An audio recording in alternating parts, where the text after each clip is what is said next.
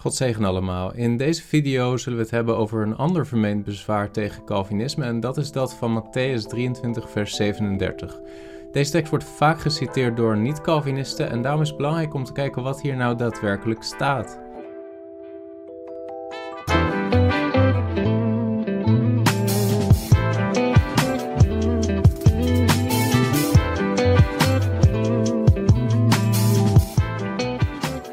We lezen samen ook deze tekst, Matthäus 23, vers 37. Daar zegt de Heer Jezus: Jeruzalem, Jeruzalem, u die de profeet doodt en stenigt wie naar u toegezonden zijn. Hoe vaak heb ik uw kinderen bijeen willen brengen, op de wijze waarop een hen haar kuikens bijeenbrengt onder haar vleugels, maar u hebt niet gewild. En vaak wordt deze tekst aangehaald om daarmee te zeggen: zie je, God wilde deze Joden in Jeruzalem redden, maar ze wilden niet gered worden. En daarmee is het toch duidelijk dat ze Gods wil konden weerstaan met hun eigen menselijke wil. Er wordt onterecht worden een aantal dingen aangenomen bij het lezen van dit vers. Namelijk allereerst dat de Heer Jezus de Joden wilde redden tot wie hij sprak in dit schriftgedeelte. Dat is één. Ten tweede, dat dit weliswaar zijn verlangen was, maar dat hij zijn verlangen niet ten uitvoer kon brengen. Dat is het tweede. Het derde, dat dit Jezus verlangen was, maar dat hij zijn verlangen niet kon uitvoeren omdat zij dit zelf niet toelieten.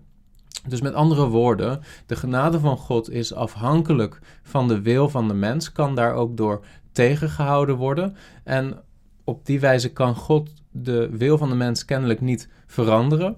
Uh, en dus is onweerstaanbare genade, zoals dat door de tulip of door Calvinisme wordt onderwezen, is vals. Irresistible grace is vals. Calvinisme is vals. En dat zou allemaal blijken uit dit vers. Maar laten we eens wat verder inzoomen op dit vers en kijken naar de context. Want deze uitspraak van de Heer Jezus vindt plaats in hoofdstuk 23 van Matthäus. En de context van dat hoofdstuk is dat de Heer Jezus op een zeer ernstige manier schriftgeleerde, fariseeën, geestelijk leiders uit die tijd veroordeelt. Matthäus 23 is een zeer ernstige veroordeling van de geestelijk leiders in die tijd. En de vraag is dan ook, wat is precies hetgeen wat de Heer Jezus bedoelt in dit vers met Jeruzalem, Jeruzalem? De Arminianen of niet-Calvinisten geloven dat het gaat om alle inwoners van Jeruzalem. Elke man, elke vrouw, elk kind van Jeruzalem wordt geadresseerd door de Heer Jezus. Maar dat is niet wat logisch voortvloeit uit de context. De context is dat de Heer Jezus niet heel Jeruzalem adresseert, maar hij adresseert schriftgeleerden en fariseeën. Hij adresseert geestelijk leiders. En laten we eens kijken naar de context. Want als je leest Matthäus 23 vanaf vers 29, zie je dat de Heer Jezus, hij, spreekt al langer hier fariseeën en schriftgeleerden toe, maar hier zegt hij expliciet, wee u schriftgeleerden en fariseeën, huigelaars, want u bouwt de graven voor de profeten en versiert de grafmonumenten van de rechtvaardigen en u zegt, als wij in de tijd van onze vader hadden geleefd, hadden wij niet met hen meegewerkt om het bloed van de profeten te vergieten. Al dus getuigt u tegen uzelf dat u kinderen bent van hen die de profeten gedood hebben, maakt ook u dan de maat van uw vaderen vol. Slangen, adderen gebroed. Hoe zou u aan de veroordeling tot de hel ontkomen? Vers 34. Daarom zie, ik zend profeten, wijzen, schriftgeleerden naar u toe, en sommige van hen zult u doden en kruisigen, en sommige van hen zult u gezelen in uw synagogen, en u zult hen vervolgen van stad tot stad, opdat over u al het rechtvaardige bloed zal komen dat vergoten is op de aarde, vanaf het bloed van de rechtvaardige Abel tot het bloed van Zacharia, de zoon van Berechia, die u gedood hebt tussen de tempel en het altaar. Voorwaar, ik zeg u, al deze dingen zullen komen over dit geslacht. De context is heel duidelijk dat de Heer Jezus de fariseeën en de schriftgeleerden, de geestelijk, de religieus leiders van die tijd adresseert. En we moeten dan ook, om het volgende vers te begrijpen, het vers 37, moeten we onderscheid maken tussen Jeruzalem, dat wil zeggen de geestelijke leiders in deze context, en de kinderen van Jeruzalem, dat wil zeggen de inwoners van Jeruzalem. Want de Heer Jezus adresseert Jeruzalem, Jeruzalem, en heeft het dan over die geestelijke leiders. Jeruzalem, Jeruzalem, u die de profeten doodt, zoals we gezien hebben in de context, geeft de Heer Jezus de schuld van doden van de profeten aan de leiders van Jeruzalem. U die de profeten doodt en stenigt wie naar u toegezonden zijn, hoe vaak heb ik uw kinderen bijeen willen brengen? Heer Jezus zegt niet Jeruzalem, Jeruzalem, hoe vaak heb ik u bijeen willen brengen, maar u wilde niet. Hij zegt Jeruzalem, Jeruzalem, hoe vaak heb ik uw kinderen bijeen willen brengen, maar u wilde niet. Dus met andere woorden, niet de kinderen wilden niet, maar Jeruzalem wilde niet, de geestelijke leiders wilden niet. En dat zien we ook in de context. Deze tekst bewijst niet dat de mensen die de Heer Jezus wilden redden, dit niet wilden en daarmee zijn wil blokkeerden.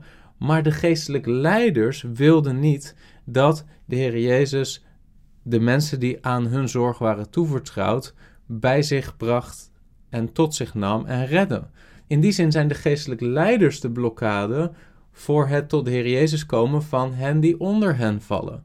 En dat is precies wat de Heer Jezus de schriftgeleerden en fariseeën ook kwalijk neemt in de eerdere vers. Want als je kijkt in de context, dan zie je Matthäus 23, vers 13, dan zegt de Heer, Wee u schriftgeleerden en fariseeën, huigelaars, want u sluit het koninkrijk der hemelen voor de mensen. U gaat er immers zelf niet binnen en hen die er binnen willen gaan, laat u er niet binnen gaan.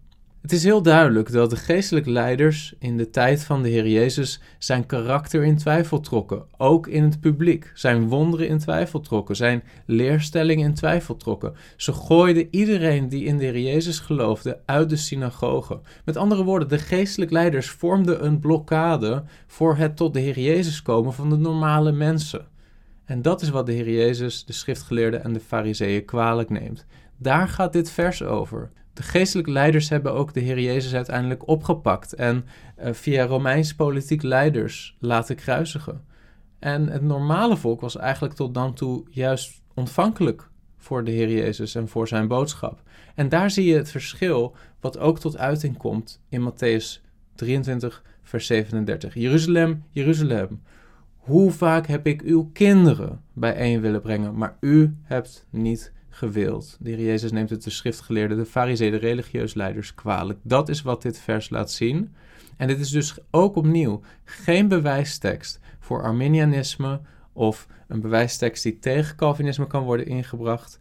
Want het gaat hier niet om de wil van de mens, die zijn maker weerstaat in zijn wil, maar het gaat om de geestelijke leiders die een blokkade vormen voor het normale volk om tot de Heer Jezus te komen. Dat is de context, dat is wat dit vers laat zien en meer niet. Ik hoop dat je hier wat aan hebt gehad. God zegen.